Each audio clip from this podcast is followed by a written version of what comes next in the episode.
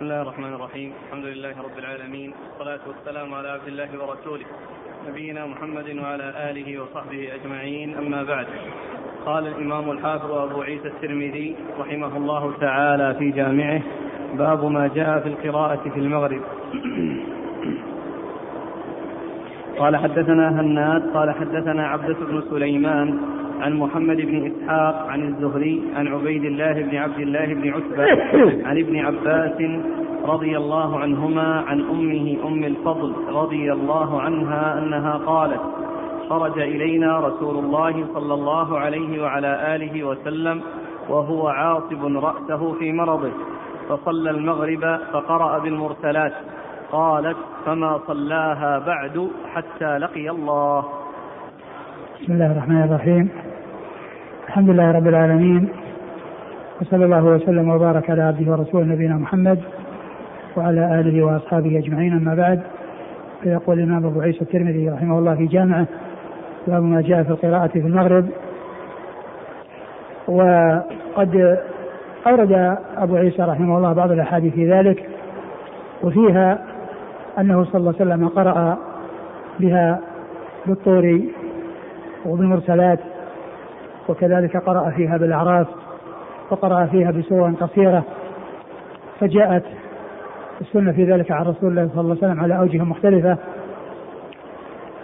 وكل هذه جائزة ويراعى أحوال المأمومين وتحملهم وعدم حصول المشقة عليهم فإن هذا مما لا بد منه في معرفة في في في, في مراعاة أحوال المأمومين ولهذا جاء في قصة معاذ آه، ما جاء في قوله صلى الله عليه وسلم له أفتان يا معاذ؟ لما طول بأصحابه الذين صلى بهم وبلغ ذلك رسول الله صلى الله عليه وسلم فعاتبه على ذلك وأمره أن يقرأ بأوساط المفصل يعني في سورة العشاء في صلاة العشاء فصلاة المغرب جاء فيها آه، أحاديث تدل على أنه قرأ فيها على أوجه مختلفة في الطول والتوسط والقصر. وهذا الحديث حديث أم الفضل بنت الحارث الهلالية أخت ميمونة أم المؤمنين وهي زوجة العباس وأم أولاده وهي أم الفضل أكبر أولاد العباس اخبرت أنه صلى الله عليه وسلم خرج عاصبا رأسه في مرضه وأنه صلى المغرب وقرا فيها بالمرسلات وأنه ما صلى صلاة بعدها. و قولها انها أنه عاصب رأسه يعني فيه في يعني معناه انها في في في, في حال المرض. ومعنى هذا أنه يقرا بما هو أطول من ذلك يعني إذا كان في غير هذه الحال. والحاصل أن القراءة في المغرب جاءت على أوجه و آه، ويؤتى أو يفعل ما ورد عن رسول الله صلى الله عليه وسلم في جميع الأحوال ولكنه يراعى في ذلك حال المأمومين وقدرتهم وصبرهم ووجود فيهم من يعني يشق عليه ذلك. نعم. قولها فما صلاها بعد حتى فما صلاها بعد يعني ما صلى المغرب. يعني ما صلى صلاة المغرب يعني بعد ذلك يعني بالناس آه حتى فارق الدنيا. حتى لقي الله. حتى لقي الله نعم.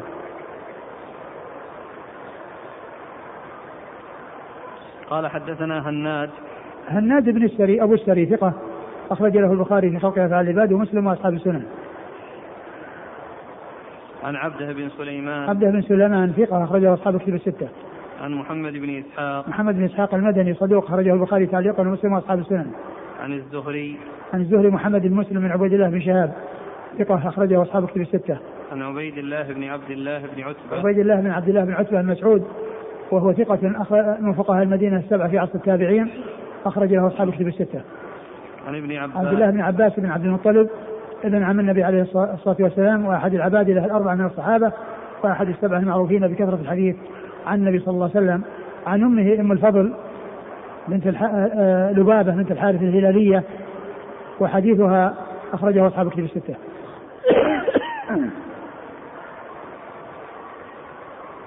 قال وفي الباب عن جبير بن مطعم. جبير بن مطعم النوفلي وحديثه أخرجه أصحاب كتب الستة. وابن عمر. وابن عمر عبد الله بن عمر بن الخطاب رضي الله تعالى عنهما وهو أحد الأبادية الأربعة وأحد السبعة المعروفين بكثرة الحديث عن النبي صلى الله عليه وسلم. وأبي أيوب. وأبي أيوب الأنصاري خالد بن زيد أخرجه أصحاب كتب الستة. وزيد بن ثابت. وزيد بن ثابت أخرجه أصحاب كتب الستة. قال أبو عيسى حديث أم الفضل حديث حسن صحيح. وقد روي عن النبي صلى الله عليه وآله وسلم أنه قرأ في المغرب بالأعراف في الركعتين كلتيهما.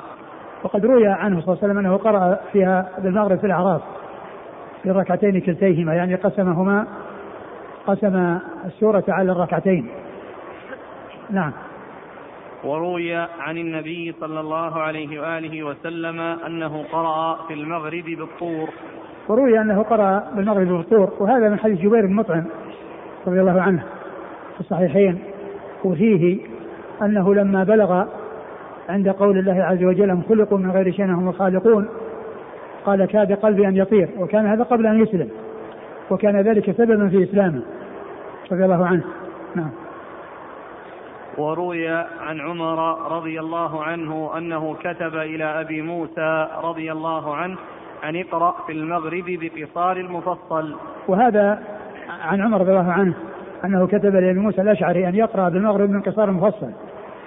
يعني ففيه الطوال يعني فيه الطوال جدا اللي في الاعراف وفيه يعني طوال المفصل التي هي منها الطور وكذلك المرسلات ونعم هذه المقاطع التي يذكرها الإمام الترمذي عن كتابة عمر لأبي موسى تقدم الآن مرتين وهذه المرة الثالثة نعم لأنه اللي... لأن كان كتابه واحد ولكن يشتمل على هذا وهذا ولهذا هو يوزعه أو يقطعه على على الأبواب. هو كتابه اللي في القضاء؟ كتابه اللي في القضاء ولا غيره؟ ما ما أدري كتاب القضاء هل فيه هل فيه قراءة بالسور ما أتذكر. قراءة كتاب في القضاء ما هو طويل. يعني موجود من مقدار صفحة واحدة أو أقل من صفحة. أورده ابن القيم في كتاب إعلام الموقعين وشرحه في مجلد. وشرحه في مجلد كامل. وهو مقدار صفحة أو قريب من الصفحة. لكن ما ما أتذكر أن فيه يعني ما يقرأ بالصلوات.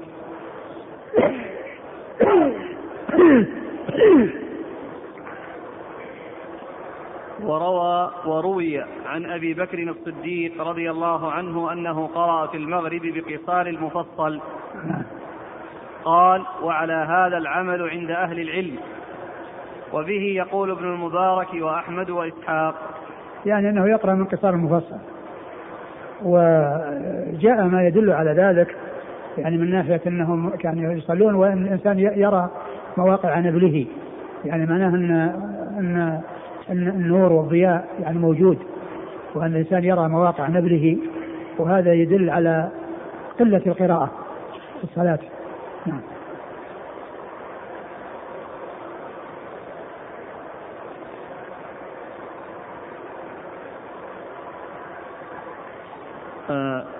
مر معنا عمر وأبو الصديق وابن المبارك. عمر بن الخطاب رضي الله عنه. آه، آه، أمير المؤمنين وثاني الخلفاء الراشدين وصاحب المناقب الجمة والفضائل الكثيرة وحديث أخرجه أصحاب كتب الستة.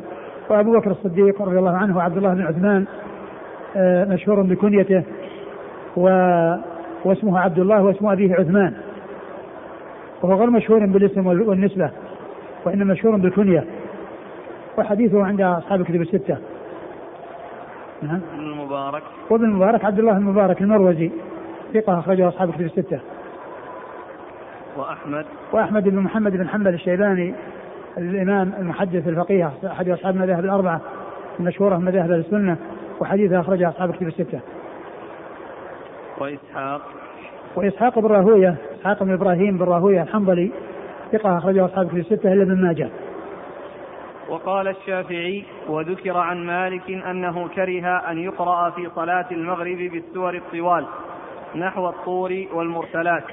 قال الشافعي لا أكره ذلك بل أستحب أن أن يقرأ بهذه السور في صلاة المغرب. ما أدري عن كون مالك رضي الله عنه رحمة الله عليه يعني لم لأنه يكره. ولعل ذلك أنه لم يبلغه يعني آه، ما جاء عن النبي صلى الله عليه وسلم وإلا فإن الأئمة الأربعة هم الذين أوصوا بأن يعول على الأدلة وأنه إذا وجد عنهم قول قد جاء حديث صحيح بخلافه أنه تترك أقوالهم ويعول على ما جاء عن الرسول صلى الله عليه وسلم وهو الذي اشتهر عنه قول كل يؤخذ من قوله من قوله ويرد إلا رسول الله صلى الله عليه وسلم. و والإمام مالك هو مالك بن أنس إمام دار الهجرة المحدث الفقيه أحد أصحاب المذاهب الأربعة المشهورة مذاهب السنة وحديثه أخرجه أصحاب كتب الستة والشافعي محمد بن إدريس الشافعي وهو أحد أصحاب المذاهب الأربعة المشهورة مذاهب السنة وحديث أخرجه البخاري تعليقا وأصحاب السنن.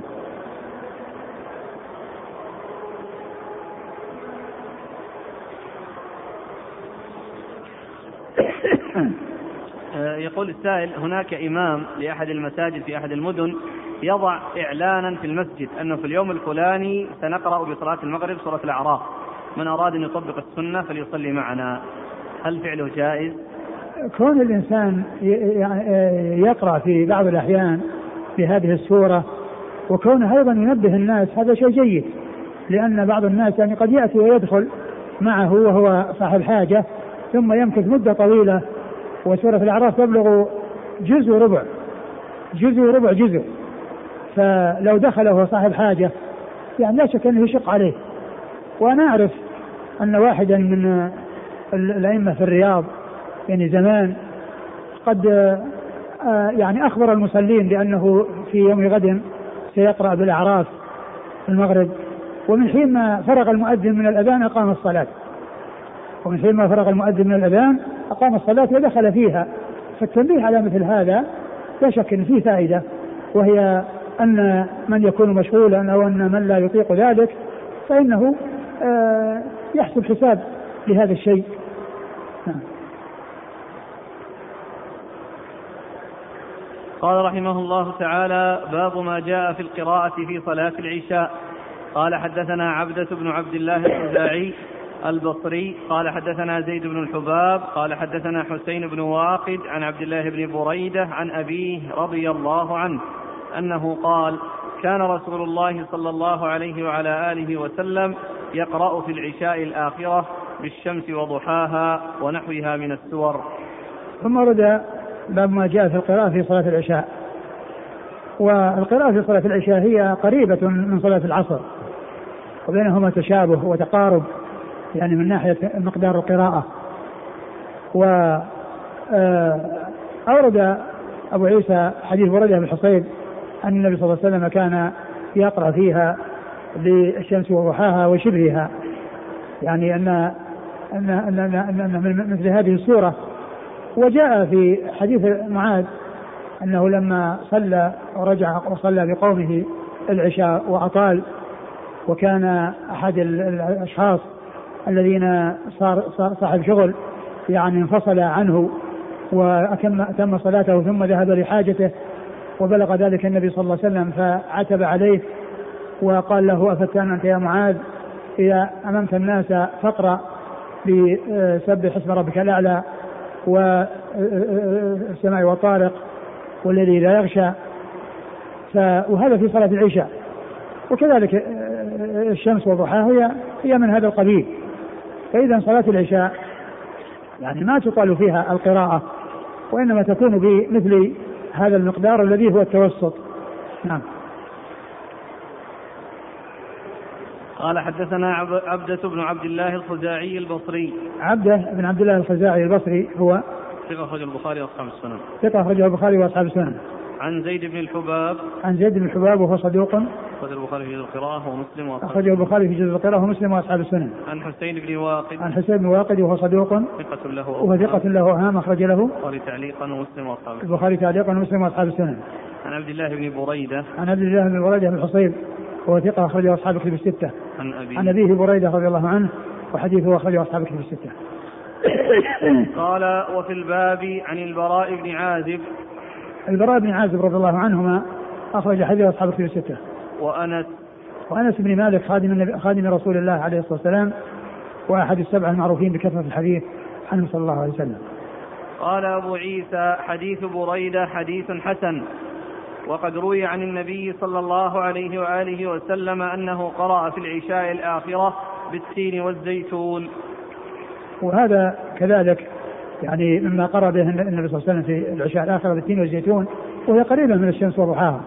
نعم. وروي عن عثمان بن عفان رضي الله عنه أنه كان يقرأ في العشاء بسور من أوساط المفصل نحو, و... نعم.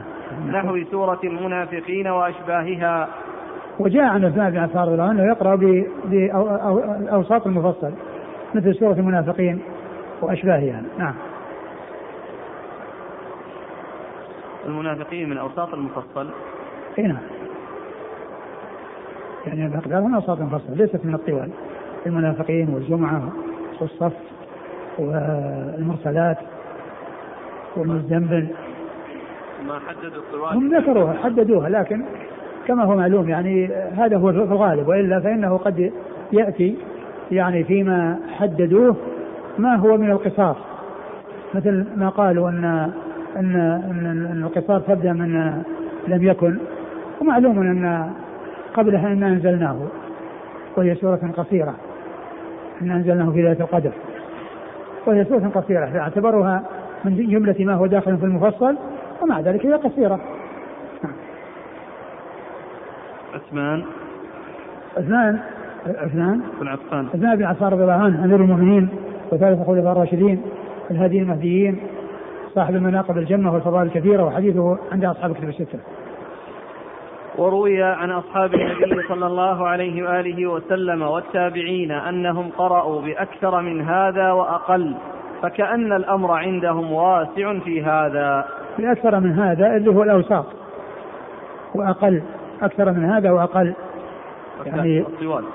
نعم. أكثر من هذا الطوال. نعم الطوال لأنه ذكر الأوساط هذه اللي اللي هم المنافقين نعم. يعني أكثر من هذا اللي هي الطوال وأقل من ذلك اللي هي القصار. فكأن الأمر عندهم واسع في هذا. نعم فكأن الأمر في عندهم واسع في هذا أنه يقرأ في هذا وفي هذا مثل ما جاء في سورة المغرب. في صلاة المغرب أيضا. فيراعى أحوال المأمومين. نعم. وأحسن شيء في ذلك ما روي عن النبي صلى الله عليه وآله وسلم أنه قرأ بالشمس وضحاها والتين والزيتون. وأحسن شيء في ذلك يعني الذي ثبت من فعله صلى الله عليه وسلم أنه قرأ الشمس وضحاها والتين والزيتون. وقد مر الحديث في الشمس وضحاها. نعم. قال حدثنا هناد قال حدثنا أبو معاوية عن يحيى بن سعيد الأنصاري عن عدي بن ثابت عن البراء بن عازب رضي الله عنهما أن النبي صلى الله عليه وآله وسلم قرأ في العشاء الآخرة بالتين والزيتون. يعني هذا الذي قال إنه أحسن تقدم الحديث الأول الذي هو الشمس وضحاها ثم ذكر الحديث الثاني الذي هو التين والزيتون وهو هذا. نعم. قال حدثنا هناد عن أبي معاوية. أبو معاوية محمد بن خازم الضرير الكوفي. ثقة أخرجه أصحاب الكتب الستة. عن يحيى بن سعيد الأنصاري. يحيى بن سعيد الأنصاري المدني. ثقة أخرجه أصحاب الكتب الستة. عن علي بن ثابت. عن علي بن ثابت ثقة أخرجه أصحاب الكتب الستة. عن البراء بن عازب. عن البراء بن عازب رضي الله عنهما وقد مر ذكره. يقول السائل هل قراءة صلى الله عليه وسلم لهذه السورة في كل ركعة؟ لا في ركعة واحدة معلوم إنها في ركعة واحدة يعني لا يقسمها لا كررها مرتين. لا ما ما نعلم ما نعلم شيء يدل على هذا لكن المقصود في الركعة الواحدة.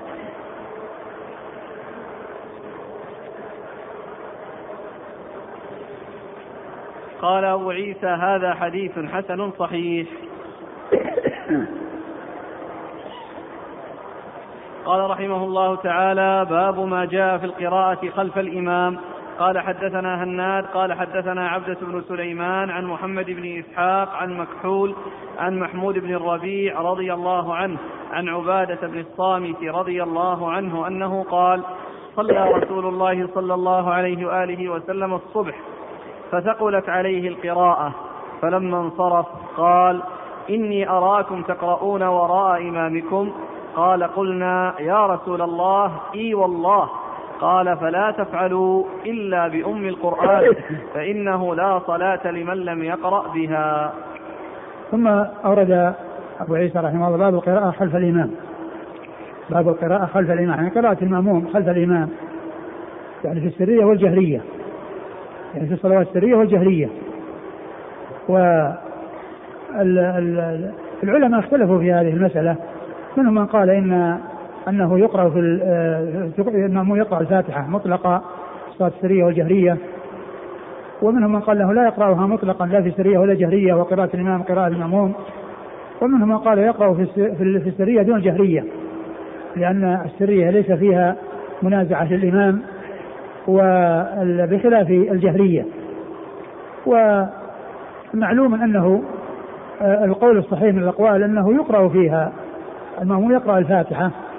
في الجهرية والسرية ولكن يقرأ فيها بنفسه كما جاء عن أبي هريرة ولا يجهر بها أو يعني يظهر شيئا من قراءتها حتى يشوش على الإمام وإنما يقرأ بها في نفسه. فدل هذا على أن ما جاء من ترك القراءة أنه يعني أنه يعني ما أنه, أنه المقصود به الجهر. وأن ما جاء يعني بالقراءة أنه يعني يكون سرا بدون أن يحصل منه جهر في صلاته بحيث يشوش على الإمام وينازع الإمام القراءة. وأورد أبو عيسى آه، حديث عبادة بن الصامت رضي الله تعالى عنه أن النبي صلى الله عليه وسلم صلى وقال لأصحابه بعد الصلاة ما لي أنازع القراءة لعلكم تقرؤون خلف إمامكم؟ قالوا نعم. فقال لا تفعلوا إلا بفاتحة الكتاب. لا تفعلوا إلا بفاتحة الكتاب. فيكون ما ورد من كون المأموم لا يقرأ يحمل على غير الفاتحة. وأما الفاتحة فإنه يقرأ بها لكن على وجه لا يشوش على الإمام.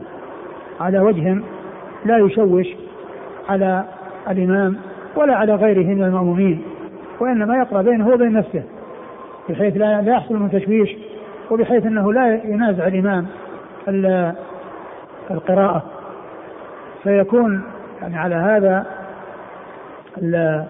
المأموم يقرأ الفاتحة وحدها وغيرها لا يقرأه بل يستمع للإمام. فتكون الفاتحة مستثناة مما ورد في القرآن وفي السنة وقوله صلى الله من قول الله عز وجل وإذا قرئ القرآن فاستمعوا له وأنصتوا وإذا في الصلاة وغير الصلاة. وكذلك في صحيح مسلم وإذا قرأ فأنصتوا. وإذا قرأ الإمام يعني فأنصتوا. يحمل ذلك على آه، غير الفاتحة. وأما الفاتحة فإن الإنسان يقرأ بها ولكن بينه وبين نفسه دون أن يشوش على دون أن يشوش على الإمام وعلى ولا على المأمومين. وهذا الحديث ضعفه الألباني وفي محمد بن إسحاق وهو مدلس وقد روى بالعنعنة لكن له شواهد. له شواهد ذكرها يعني أحمد شاكر وذكرها الشارح. والإمام البخاري ألف في ذلك جزءا خاصا بالقراءة خلف الإمام ونصر القول بالقراءة بقراءة الفاتحة خلف الإمام. نعم. قال حدثنا هناد عن عبدة بن سليمان عن محمد بن إسحاق عن مكحول. مكحول هو الشامي. وهو ثقة أخرج له البخاري جزء القراءة ومسلم البخاري جزء القراءة ومسلم أصحاب السنن. عن محمود بن الربيع. عن محمود بن الربيع وهو صحابي صغير أخرجه أصحاب كتب الستة. عن عبادة. عن عبادة بن الصامت وهو صحابي أخرجه أصحاب كتب الستة. قال وفي الباب عن أبي هريرة وعائشة. أبو هريرة عبد الرحمن بن صخر الدوسي أكثر الصحابة حديثا وعائشة أم المؤمنين الصديقة بن الصديق وهي أحد سبعة أشخاص عرفوا بكثرة الحديث عن النبي صلى الله عليه وسلم. وأنس؟ وأنس بن مالك مر ذكره أحد السبعة المعروفين بكثرة الحديث.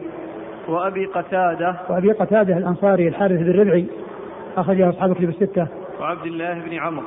وعبد الله بن عمرو بن العاص أحد العباد الأربعة أخرج حديث أصحاب كتب الستة. قال أبو عيسى حديث عبادة حديث حسن.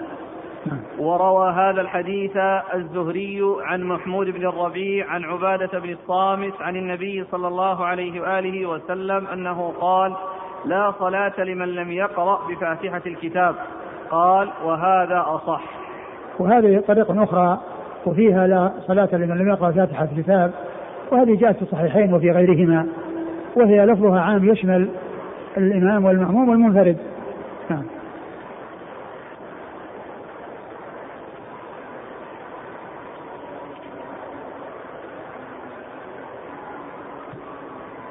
والعمل على هذا الحديث في القراءة خلف الإمام عند أكثر أهل العلم من أصحاب النبي صلى الله عليه وآله وسلم والتابعين وهو قول مالك بن أنس وابن المبارك والشافعي وأحمد وإسحاق يرون القراءة خلف الإمام.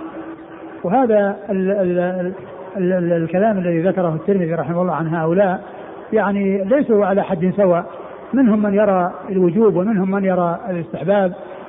ويعني وليس المقصود أنهم كلهم يرون القراءة لأن فيهم من يرى عدم القراءة وأن الإمام المأموم يكتفي بقراءة الإمام وأن قراءة الإمام قراءة للمأموم. نعم كما نبه على ذلك الشارح. نعم. هناك من يفرق بين السرية والجهرية؟ نعم وهناك من يفرق بين السرية والجهرية. نعم.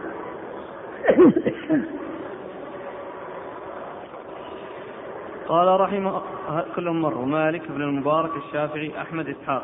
نعم. قال رحمه الله تعالى باب ما جاء في ترك القراءة خلف الإمام إذا جهر الإمام بالقراءة.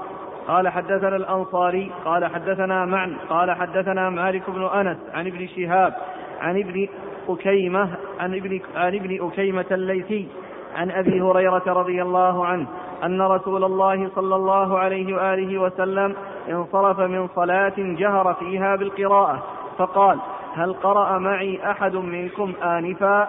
فقال رجل نعم يا رسول الله. قال إني أقول ما لي أنازع القرآن.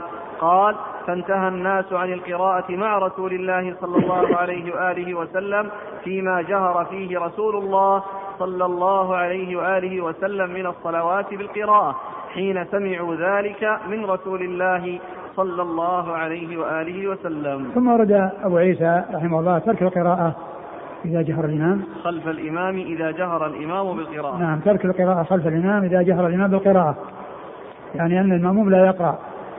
ومنهم من حمل ذلك على أنه لا يقرأ مطلقا. ومنهم من قال إنه لا يجهر ولا لا, لا يقرأ يعني جهرا. وأما إذا قرأ سرا فإنه آه، لا بأس بذلك لأنه ما يكون في تشويش ولا فيه منازعة. المنازعة إذا وجد يعني إظهار صوت بالقراءة أو سماع صوت بالقراءة يعني يشوش على الإمام. فيظن الإمام قد يظن الإمام أنه حصل منه خطأ وأنه يعني وأن هذا يريد أن ينبهه فيكون في ذلك شيء من التشويش. وأما إذا كان سرا فإن ذلك لا تشويش فيه. فيمكن ولهذا جاء عن أبي هريرة رضي الله عنه أنه قال اقرأ بها في نفسك. اقرأ بها في نفسك. يعني بينك وبين نفسك يعني لا ترفع الصوت ولا تجهر بها.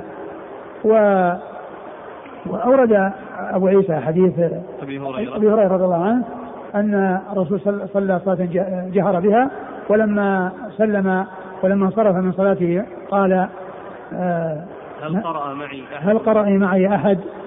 قالوا آه قالوا نعم. قال ما لي أنازع. قال إني أقول ما لي أنازع القرآن. إني أقول يعني في نفسي. ما لي أنازع القرآن يعني أن أحدا يعني جهر معه. فانتهى الناس وهذا كلام الزهري. فانتهى الناس يعني عن القراءة.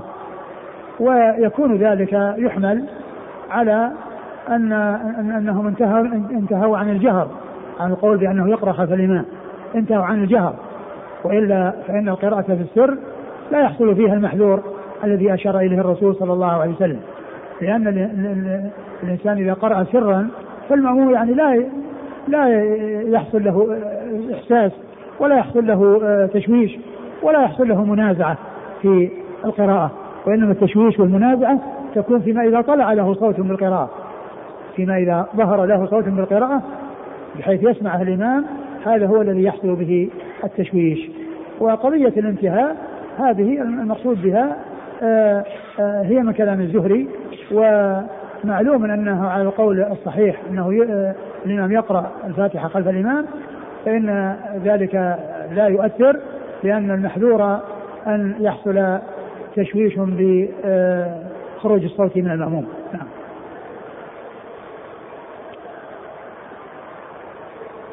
قال حدثنا الأنصاري. الأنصاري موسى إسحاق بن موسى. وهو ثقة أخرج له البخاري. مسلم والترمذي. أخرجه مسلم والترمذي. والنسائي بن ماجه. والنسائي بن ماجه. عن معن. حنان بن عيسى ثقة أخرجه أصحاب كتب الستة. عن مالك بن أنس. مر ذكره. عن ابن شهاب عن ابن أكيمة. وابن شهاب مر ذكره. وابن ابن أكيمة هو عمارة. وهو, وهو ثقة أخرج له. خارج القراءة أصحاب السنن. البخاري جزء جزء قراه أصحاب السنة عن أبي هريرة. عن أبي هريرة وقد مر ذكره. قال وفي الباب عن ابن مسعود. ابن مسعود عبد الله بن مسعود الهذلي صاحب رسول الله صلى الله عليه وسلم وحديثه أخرجه أصحاب كتب الستة. وعمران بن حصين وعمران بن حسين أبو نجيد أخرجه أصحاب كتب الستة. وجابر بن عبد الله. وجابر بن عبد الله الأنصاري رضي الله عنهما أحد السبعة المعروفين بكثرة الحديث عن النبي صلى الله عليه وسلم. قال أبو عيسى هذا حديث حسن. نعم. وابن أكيمة الليثي اسمه عمارة ويقال عمرو بن أكيمة. وروى بعض أصحاب الزهري هذا الحديث وذكروا هذا الحرف. قال قال الزهري فانتهى الناس عن القراءة حين سمعوا ذلك من رسول الله صلى الله عليه وآله وسلم. هذا بيان أنه مدرج وأنه ليس من ك... وأنه من كلام الزهري وأن الذي قاله هو الزهري. يعني الذي قال هذا هو الزهري. نعم. وليس في هذا الحديث ما يدخل على من رأى القراءة خلف الإمام لأن أبا هريرة رضي الله عنه هو الذي روى عن النبي صلى الله عليه وآله وسلم هذا الحديث. وروى أبو هريرة عن النبي صلى الله عليه وسلم أنه قال من صلى صلاة لم يقرأ فيها بأم القرآن فهي خداج فهي خداج غير تمام. فقال له حامل الحديث إني أكون أحيانا وراء الإمام. قال اقرأ بها في نفسك. وروى أبو عثمان النهدي عن أبي هريرة أنه قال أمرني النبي صلى الله عليه وآله وسلم أن أنادي أن لا صلاة إلا بقراءة فاتحة الكتاب. ثم أورد أبو عيسى رحمه الله يعني ذكر هذا الكلام الذي فيه أن أن ما جاء من أن المأموم يقرأ فاتحة الكتاب هذا لا يؤثر. ولا يعني يدخل عليه يعني آه، آه، اعتراض بهذا الحديث لأن المحذور أن أن يشوش على الإمام وأن يطلع صوت. وأما إذا لم يحصل آه، منه تشويش وقرأ به بنفسه فأبو هريرة رضي الله عنه هو الراوي للحديث وهو الذي قال الذي حمل عنه اقرأ بها في نفسك لما سأله وأيضا هو راوي الأحاديث الدالة على أن المأموم يقرأ الفاتحة. فيكون آه، ما جاء في هذا الحديث آه، يحمل على ما إذا كان فيه تشويش وفيه منازعة. أما إذا سلم من المنازعة الإمام ولم يحصل تشويش على الإمام ولا على غيره وإنما يقرأ به في نفسه دل هذا على أن أنه لا يعارض آه، الأحاديث الدالة على القراءة أو على قراءة المأموم خلف إمامه. نعم. قال وليس في هذا الحديث ما يدخل على من رأى القراءة خلف الإمام. يعني يدخل عليه يعني يناقضه أو يرد عليه أو يعني يدل على خلاف قوله لأن هذا محمول على الجهر وكون المأموم يجهر ويشوش. وبدليل أن الذي روى هذا الحديث هو أبو هريرة وهو راوي الأحاديث الأخرى في قراءة في القراءة خلف الإمام.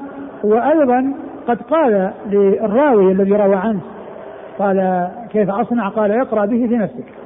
اقرأ بها أي بالفاتحة في نفسك أي سرا يعني لا جهرا بحيث يعني يحصل تشويش ومنازعة. نعم. من صلى صلاة لم يقرأ فيها بأم القرآن فهي خداج فهي خداج غير تمام. نعم. هذا يعني آه، آه، يعني خداج هي الناقصة. نعم. النقص يرد ترد به الصلاة أو نقص يعني من مستحبات أو مكملات لا هو أقول هو نقص لكنه ورد أحاديث أخرى تدل على أنه لا صلاة لمن لم يقرأ فاتحة الكتاب.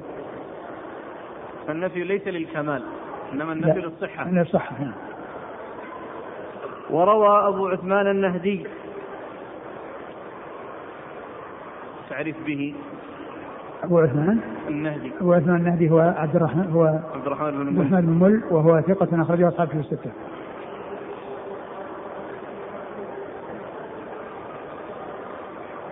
واختار أكثر أصحاب الحديث ألا يقرأ الرجل إذا جهر الإمام بالقراءة وقالوا يتتبع سكتات الإمام.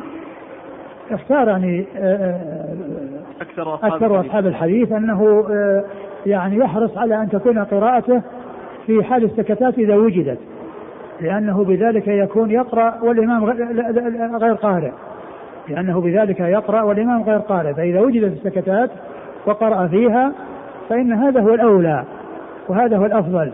وإلا فإن المشهور عند يعني المحدثين آه هو القراءة خلف الإمام. أحيانا يعني يطيل الإمام آه، في دعاء الاستفتاح والاستعاذة. فهل للمأموم أن يبدأ بقراءة الفاتحة في له له له. ما يكون مسابق لا أبدا ما في مسابق لأنها لأنه قراءة ولهذا جاء عن يعني عن بعض العلماء ما ذكرها السري أو ما ذكره يعني مع الإمام أو قبله أو بعده. مع الإمام يعني الحمد لله رب العالمين يقرأ في نفسه. أي نعم أي نعم لكن الذي يناسب أن تكون مع السورة إذا كان ليس مع الفاتحة، الفاتحة يسمع ويؤمن لأن التأمين نتيجة السماع. أن يكون يعني يسمع ويتابع ويؤمن. نعم.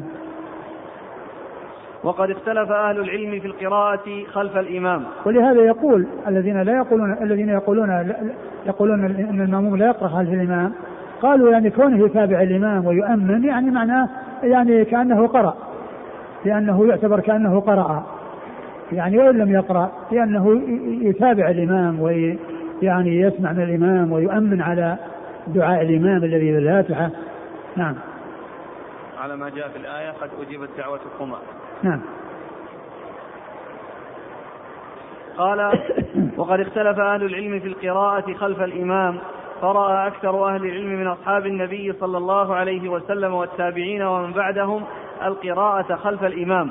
وبه يقول مالك بن أنس وعبد الله بن المبارك والشافعي وأحمد وإسحاق. نعم، وروي عن عبد الله بن المبارك أنه قال أنا أقرأ خلف الإمام والناس يقرؤون إلا قوما من الكوفيين وأرى أن من لم يقرأ صلاته جائزة. وشدد قوم من أهل العلم في ترك قراءة فاتحة الكتاب وإن كان خلف الإمام فقالوا لا تجزئ صلاة إلا بقراءة فاتحة الكتاب وحده كان أو خلف الإمام. يعني كان منفردا أو مأموما. أنه تجب على الإمام والمأموم والمنفرد. وذهبوا إلى ما روى عبادة بن الصامت رضي الله عنه عن النبي صلى الله عليه وسلم. وقرأ عبادة بن الصامت بعد النبي صلى الله عليه وسلم خلف الإمام وتأول قول النبي صلى الله عليه وآله وسلم لا صلاة إلا بقراءة فاتحة الكتاب. يعني تأولها يعني يعني فسرها يعني بأن المقصود بفاتحة الكتاب وأما غيرها فإن فإن الذي جاء من الاستماع للإمام وإذا قرأ إذا قرأ القرآن فاستمعوا له وإذا قرأ فانصتوا يحمل على غير الفاتحة.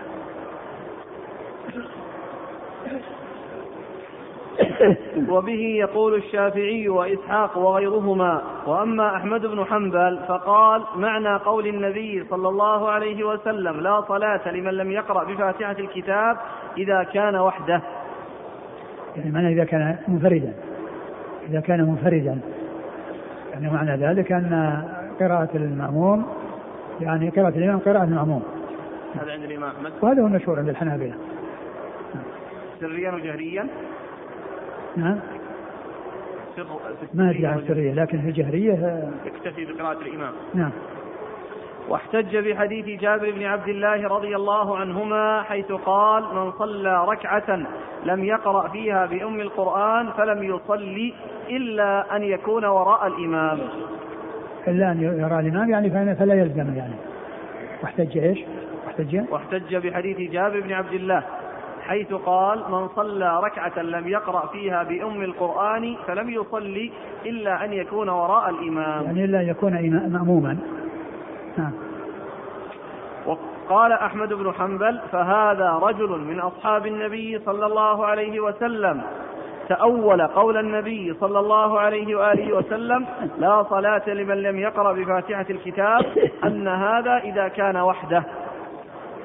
واختار هو معلوم أن القول الذي فيه الاحتياط والذي هو أولى هو القول الذي عليه البخاري وغيره من علماء الحديث والذي أشار إليه الترمذي نفسه بأن قال أن هذه الأحاديث لا تدخل على من يرى القراءة خلف الإمام. نعم. واختار أحمد مع هذا القراءة خلف الإمام وألا يترك الرجل فاتحة الكتاب وإن كان خلف الإمام. يعني احتياطا. نعم. في الرواية ثانية. نعم. آه، أحسن الله إليك. هنا يشكل على بعض الإخوان في أنه أحيانا يقوم يؤدي ركعة بعد السلامة مع الإمام. فإذا سألناه قال أنا لم أقرأ الفاتحة وقراءة الفاتحة ركن فلا بد آتي بها. فيقوم يأتي بركعة كاملة. ما التوجيه؟ الذي يبدو أن أن الإنسان إذا نسي الفاتحة وكذا فإن ذلك لا يضره لا يؤثر. وإنما الكلام مع العلم ومع يعني ال عدم التعمد. نعم. وكذلك في أسئلة عن قول أبي هريرة لحامل الحديث اقرأ بها في نفسك. ومعلوم أن القراءة في السر دون تحريك اللسان. لا هي قراءة في نفسك يعني مو معناه يقرأ بنفسه بدون تحريك اللسان. يعني معناه سرا. تقرأ بنفسك يعني سرا. ليس المقصود بأنه يقرأ بدون ال القراءة ليس هناك قراءة بدون تحريك الشفتين. ليس هناك قراءة بدون تحريك الشفتين. والإنسان عندما يعني يستعرض في ذهنه لا يعتبر قارئ. لا يعتبر قارئا بالاستعراض والاستذكار في ذهنه. لأن هذا من حديث النفس وحديث النفس غير مؤاخذ عليه الإنسان. الإنسان لا يؤاخذ لأن الله تجاوز لأمة ما حدث في أنفسها. ما لم تتكلم أو تعمل. ما لم تتكلم أو تعمل. فقوله اقرأ في نفسك يعني سرا لأن المقصود أنه لا ينازع الإمام بالجهر. وأما إذا قرأ سرا فإن المحذور الذي جاء في بعض الأحاديث من المنازعة ما يحصل مع قراءة الإسراف. ما يحصل مع الإسراف. الحاصل أنه ليس هناك قراءة بدون تحريك الشفتين. والصحابة رضي الله عنهم وأرضاهم كما كما جاء عنهم أنهم كانوا يستدلون على قراءته صلى الله عليه وسلم بالصلاة السرية في اضطراب لحيته يعني كونه وراء كونهم وراءه ويعني يرون عوارضه تتحرك يعني معناه بالقراءة. لأن لو كان ما فيه تحرك والشفتين مطبقة ما تتحرك اللحية. ما تتحرك. لكنهم كانوا يستدلون على قراءته باضطراب لحيته. ف فالحديث النفس هذا مو ما هو ما هو قراءة. ولو أن إنسان قرأ بنفسه دون أن يحرك شفتيه ما يعتبر قرأ. لا يعتبر قرأ وهذه ليست قراءة.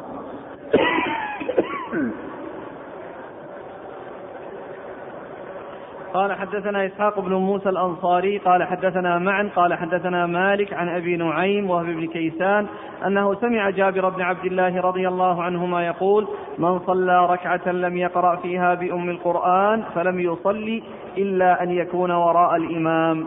وهذا هو الذي مر الإشارة إليه يعني نقول جابر وهذا أثر يعني عن جابر أنه لم يصلي إلا أن يكون وراء الإمام يعني معناه سيكون معذورا إذا كان وراء الإمام ولم يقرأ الفاتحة فإنه يكون معذورا. نعم.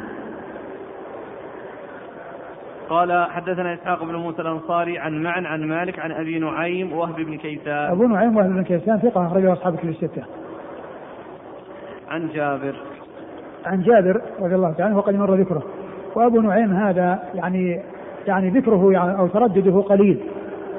الذي يأتي ذكره كثيرا متأخر.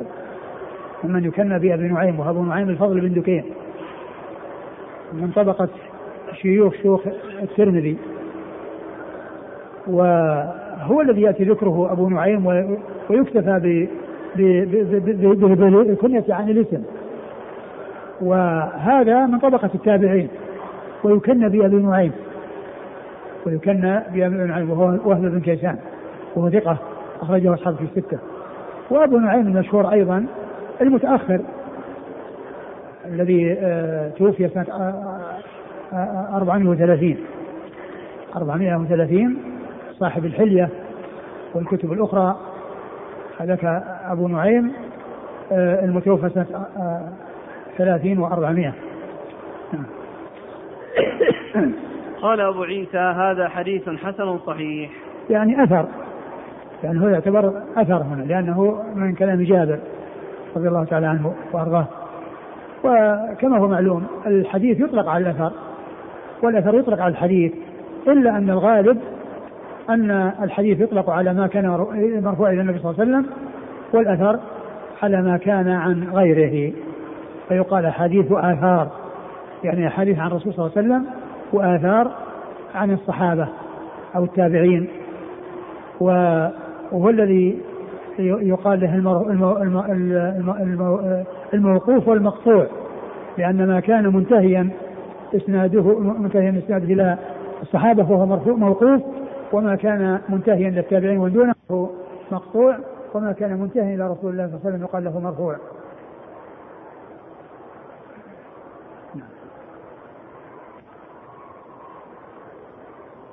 مسألة من جاء والإمام راكع ففاتته قراءة الفاتحة. نعم هذا أيضا تسقط عنه.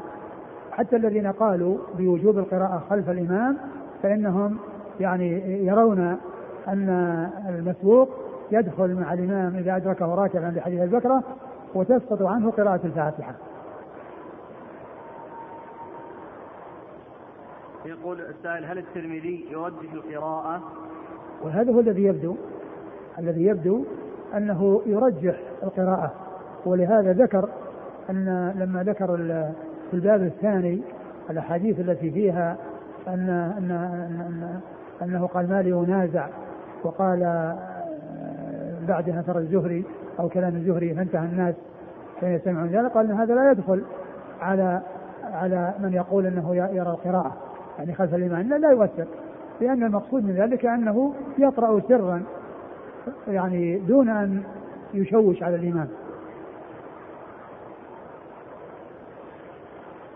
وهذا هو الذي وهذا هو الذي اوضحه الشيخ أحمد شاكر واوضحه الشارح المبارك فوري. يعني ذكروا يعني جمله من الأحاديث التي تؤيد حديث عبادة بن الصامت الذي أورده في أول الباب وتدل على ما دل عليه. فإن كل منهما ذكر يعني ترجيح هذا القول وذكر الأدلة التي تدل عليه. وأيضا ذكروا أن ما جاء يعني من من آه، آه، الأحاديث التي في الباب الثاني أن المقصود بها أنه لا يجهر وإنما يحصل منه ذلك سرا كما جاء عن أبي هريرة رضي الله عنه. قال رحمه الله تعالى باب ما جاء ما يقول عند دخول المسجد والله تعالى أعلم وصلى الله وسلم وبارك على نبينا ورسوله محمد وعلى آله وأصحابه أجمعين. جزاكم الله خيرا وبارك الله فيكم ونفعنا الله ما قلت.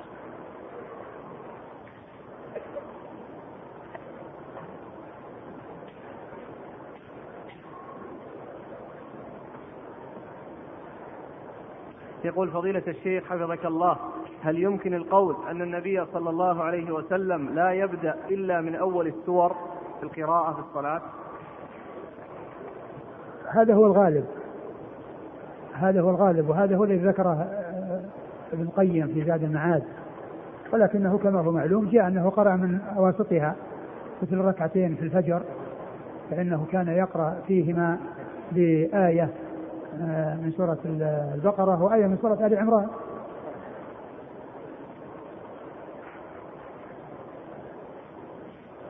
يقول إذا قام الإنسان من السجود في الركعة الأولى أو الثالثة هل يكبر قبل جلسة الاستراحة أو بعدها؟ هذا أنا ذكرت أنه يعني من من التكبير أنه يكون عند القيام. لكن ذكر لي بعض الإخوان أن فيه حديث في هذا ما أدري عن وجوده. يعني أنه يكبر وهو جالس وطلبت أنه يعني يحضر. ما أدري هل أحضره أحد أو لا. كانت الفائدة عن تكبير التشهد.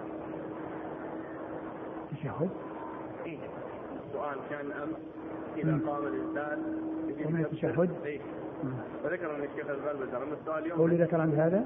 ها؟ ذكر عند التشهد؟ اي اي ما أدري. لكن هذا أنا الذي أعرف ان أن التكبير انه عند القيام. إلا إذا جاء شيء يعني يدل على خلافه.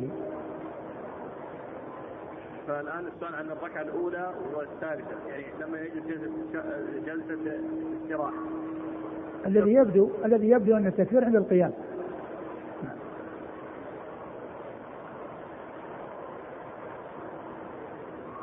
يقول آه، آه، معذرة في الدرس السابق في حديث أبي حميد الساعدي قال أنا أعلمكم.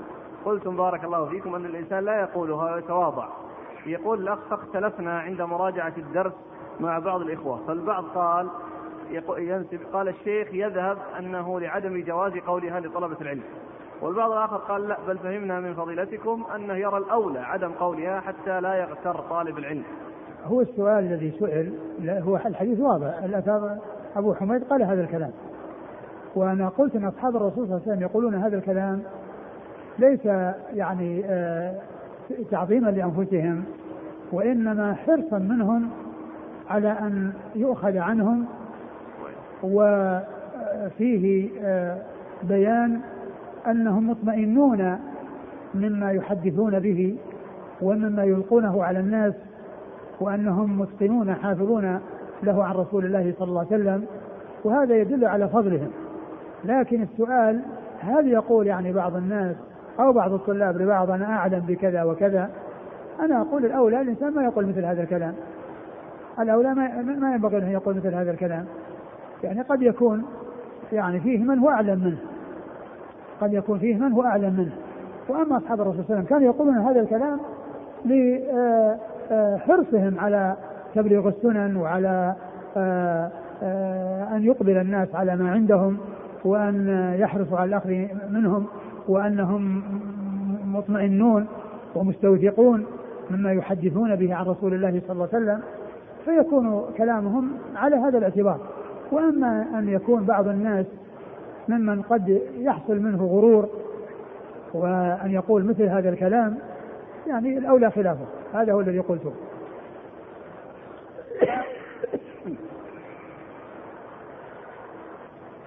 الأخ يقول أن هذا الحديث عند أبي يعلى هكذا. عند أبي يعلى في الصحيحة برقم 604 ما أتى بنصه.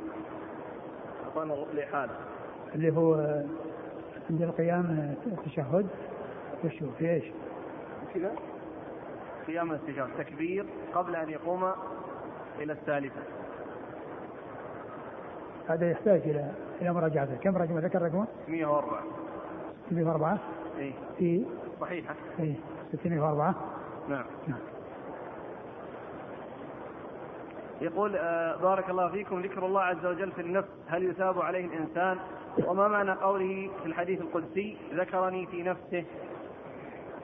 يعني معلوم أن كل انسان يعني آه، يستذكر عظمة الله ويستذكر ويعني يفكر بذكر الله إذا كان في أماكن لا الإنسان يذكر الله فيها. مثل مثل بيوت قضاء الحاجة التي ليس الإنسان أن يتكلم فيها وأن يذكر فيها لكن كونه يأتي على باله الاستذكار يعني آه، آه، عظمة الله وكذلك ذكر الله يعني في ذهنه دون أن يتكلم هذا لا شك أن هذا هذا يدل على انشغال باله بذكر الله عز وجل وبتعظيم الله سبحانه وتعالى وأنه لا يغيب عن باله يعني ذلك. هذا لا شك أن هذا شيء طيب ويدل على انشغاله وان هذا شغله الشاغل وانه حتى في الوقت الذي هو ممنوع من ان يتكلم وان يحصل منه ذكر الله عز وجل اكراما لذكره يعني والتلفظ به آه، عند في الاماكن القذرة انه لم يغفل في قلبه عن الله وعن استذكار عظمة الله وعن تعظيم الله سبحانه وتعالى. فلا شك ان الإنسان هو بهذه النية وبهذا القصد وبهذا الاهتمام وبهذه العناية لا شك أنه على خير. يقول ما درجة حديث من كان له إمام فقراءة الإمام له قراءة؟ هذا تكلم فيه يعني بعض أهل العلم وذكره الشيخ أحمد شاكر أظن والمبارك فوري وقال أنه ضعيف. يقول فضيلة الشيخ أين نجد الأثر عن الصحابة في معرفة من قراءة لقراءة النبي؟ صلى الله عليه وسلم باضطراب لحيته. هذا هذا حديث هذا موجود في في ما أتذكر الآن ما أستطيع لكنه موجود الإنسان يبحث عنه. يمكن يبحث عنه يعني في المعجم الفهرس يعني عند كلمة اضطراب. يعني إذا كان في الكتب التسعة يعني يذكر فيها. وكذلك أيضا يعني بال يعني في في مظنته من الكتب الأخرى. طبعا الترمذي يعني مر بنا وليس فيه ذكره لكن يبحث عنه في الكتب الأخرى.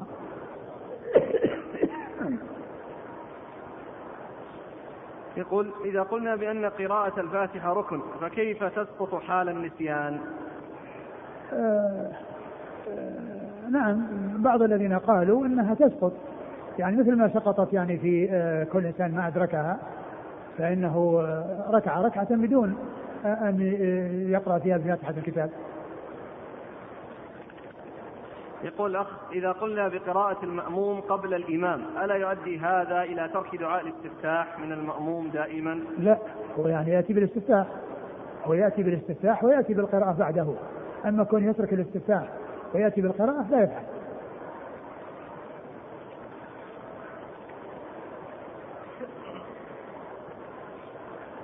يقول السائل إذا تبع الإنسان جنازة فيها أربعة أموات هل يكتب له أجر الأربع جنائز؟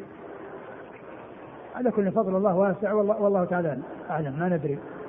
هل يعني هو عمله واحد وجهده واحد؟ و... ولا شك أن كونه آه، آه، شارك بالصلاة على هؤلاء ومشى مع هؤلاء ودعا لهم لا شك أنه على خير. وفضل الله واسع. وهل يكتب له هذا العدد ولا يكتب؟ الله أعلم. يقول إذا دخل وقت صلاة المغرب ولم أجد ماء وأخرت المغرب حتى وجدت الماء فصليتها في آخر وقتها ما حكم فعلي؟ إذا كان الإنسان في سفر فكما هو معلوم يعني سواء صلى حتى لو جمع بين الصلاتين فإنه له ذلك. وأما إذا كان ليس في سفر ولكنه يعني في مكان والماء يعني متأخر أو أنه يعني ينتظر فصلاته صحيحة لأن لأنه إلى دخول وقت العشاء كله وقت المغرب إلى دخول وقت العشاء كله وقت للمغرب.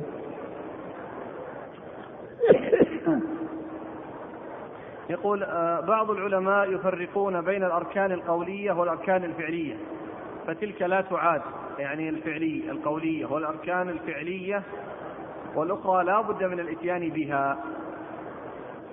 ما أعرف يعني ما أعرف في هذا شيء لكن لا شك أن الأركان الفعلية إذا إذا سقطت في الإنسان لابد أن يعيد الركعة.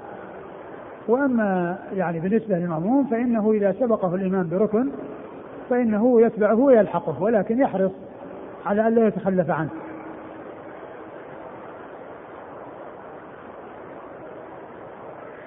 هذا ذكر أنه يقول ورد في صحيح البخاري عن خباب بن الأرت رضي الله عنه كانوا يعرفون قراءة النبي صلى الله عليه وسلم باضطراب لحيته. من يقول؟ يعني ذكر هذا؟ يقول في صحيح البخاري عن خباب. ما ما أتذكر. لكن قلت يعني يمكن يعرف عن طريق المعجم.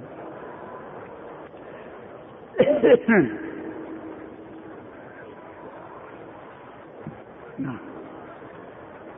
يقول قال العلامة صديق حسن خان في الروضة قلت روى أهل الكوفة عن أصحاب عمر رضي الله عنه الكوفيين أن الإمام لا يقرأ أن المأموم لا يقرأ شيئا. يقول الأخ هل يكون قول عمر هذا بانضمامه إلى قول جابر رضي الله عنهم فصلا في هذه المسألة؟ لقول النبي صلى الله عليه وسلم عليكم بسنتي وسنة الخلفاء الراشدين. ما دام إن سنة الرسول صلى الله عليه وسلم موجودة فإن الأخذ بها هو المطلوب. و وهل هذا ثبت؟ يعني هذا الكلام الذي ذكر ذكر ذكر عنه الصديق حسن خان عن الحنفية. هل هو ثابت أو غير ثابت؟ يعني الاحاديث وردت. يعني في في القراءة خلف الإمام وذكرها البخاري في جزء القراءة. وأيضا حتى المبارك فوري ذكر أنه ألف في ذلك جزءا أو كتابا يعني وجوب القراءة خلف الإمام. هذا كتاب أفضل صلاة النبي صلى الله عليه وسلم للشيخ الألباني رحمه الله. أولا المسألة الأولى ذكر آه، لما كان تكلم عن صلاة الظهر. قال وكان وكانوا يعرفون قراءته في الظهر والعصر باضطراب لحيته. وخرجه؟ قال البخاري وأبو داود. ثم عندنا صفحة أخرى في مسألة القيام. القيام إلى الركعة الثالثة ثم الرابعة. يقول الشيخ وكان صلى الله عليه وسلم إذا قام من القعدة كبر ثم قام. يعني من بعد القعود بعد الاستراحة. إذا قام من القعدة ليه الجلسة الاستراحة هي التشهد؟ نعم لأنه عنوان له القيام إلى الركعة الثالثة ثم الرابعة. الثالثة؟ هكذا إذا كان من العنوان الكبير آه القيام. إلى الركعة الثالثة ثم الرابعة. قال ثم كان صلى الله عليه وسلم ينهض إلى الركعة الثالثة مكبرا وأمر به المسيء صلاته وفي قوله ثم اصنع ذلك في كل ركعة وسجدة كما تقدم. وكان صلى الله عليه وسلم إذا قام من القعدة كبر ثم قام. إذا قام من القعدة إذا قام إذا قام من القعدة كبر ثم قام. وهنا قال ينهض. نهض. إذا نهض. نعم. هذا كلامه هنا. وذكر حديث الآن بعد هذه الجملة قال وكان صلى الله عليه وسلم يرفع يديه مع هذا التكبير أحيانا. لا بس الكلام على كونه هو جالس. يعني كونه نهض من القعدة يعني إنه يعني كما له الحركة هذه اللي اللي بين الجلسة وبين القيام. لأنه يقول آه، كبر ثم قام. إذا التكبير قبل القيام. استخدام ثم. لا بس كبر. بس كان نهض كان إذا نهض. الكلام الأول. يعني إذا للتشهد هذه ترون أنها للرابعة. يعني قوله إذا نهض هذا للثالثة. يعني الاستراحة ما أدري. لا كيف؟ هو الآن مو كله في باب القيام كله في باب واحد. القيام إلى الركعة الثالثة ثم الرابعة. ثم كان صلى الله عليه وسلم ينهض إلى الركعة الثالثة مكبرا. هذا ثم ينهض مكبرا. وأمر به المسيء صلاة في قوله ثم اصنع ذلك في كل ركعة وسجدة كما تقدم. وكان صلى الله عليه وسلم إذا قام من القعدة كبر ثم قام. إذا قام من القعدة. م. إذا قام من القعدة القيام في الحركة أنه هو. طيب كبر ثم قام. لا بس الكلام على الحديث الذي ورد وين وين هذا الآن رواه أبو يعلى في مسنده الجزء الثاني 284 بسند جيد. هذه العبارة. هذه كان إذا؟ كان صلى الله عليه وسلم إذا قام من القعدة كبر ثم قام. لعله يعني كان قام يعني أراد. أراد. أراد أن يقوم. قام يعني تأتي. إذا قمت من الصلاة يعني أردتم قيام الصلاة. فيكون هذا على على هذا معناه إذا قام يعني أنه إذا أراد القيام كبر ثم قام.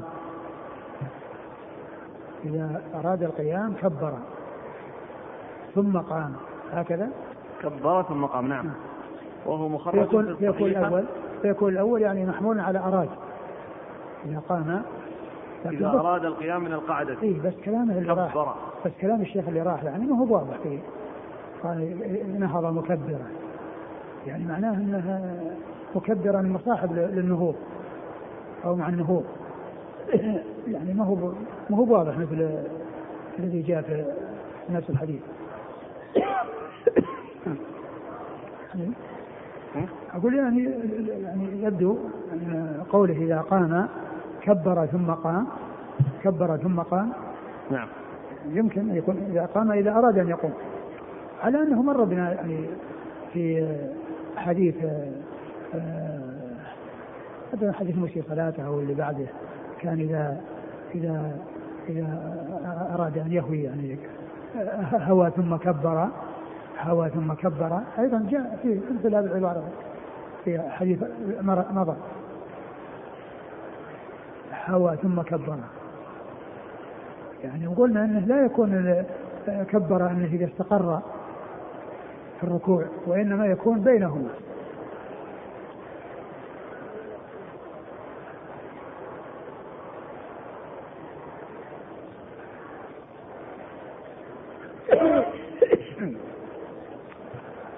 لكن قوله هنا يعني إذا قام كبر ثم نهض يعني يدل على أن أن النهوض بعد التكبير. بس هذا يخالف كلام الشيخ. تعبير الشيخ نهض مكبرا ما يطابق الكلام هذا. يقول السائل قرأت في كتاب تحقيق الكلام في وجوب القراءة خلف الإمام لصاحب تحفة الأحوذي أن ما جاء في حديث جابر في قوله إلا أن يكون وراء إمام لم يصح والحديث صحيح بدون هذه الزيادة. فما التوجيه؟ أنا ما أدري يعني لكن حتى لو ثبت يعني هذا رأي جابر رضي الله عنه. لكن كونه يعني إذا كان من حققه وما ذكر في هنا في أقول ما ما تعرض له في الشرح.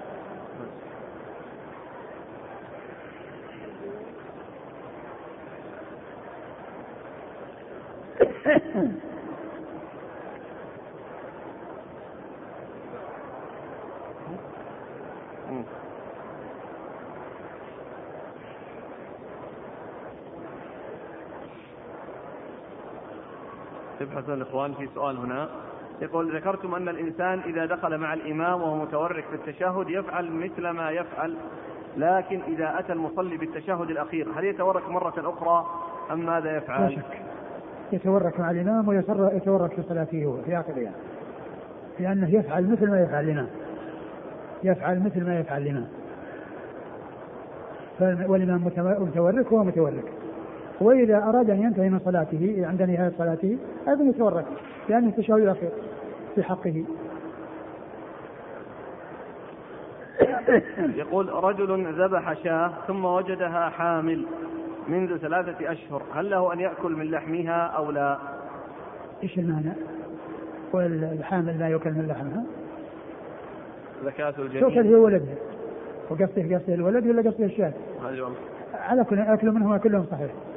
والجنين إذا وجد فهو حلال وزكاته أمه زكاة الله جزاكم الله خيرا. بارك الله فيكم ونفعنا الله.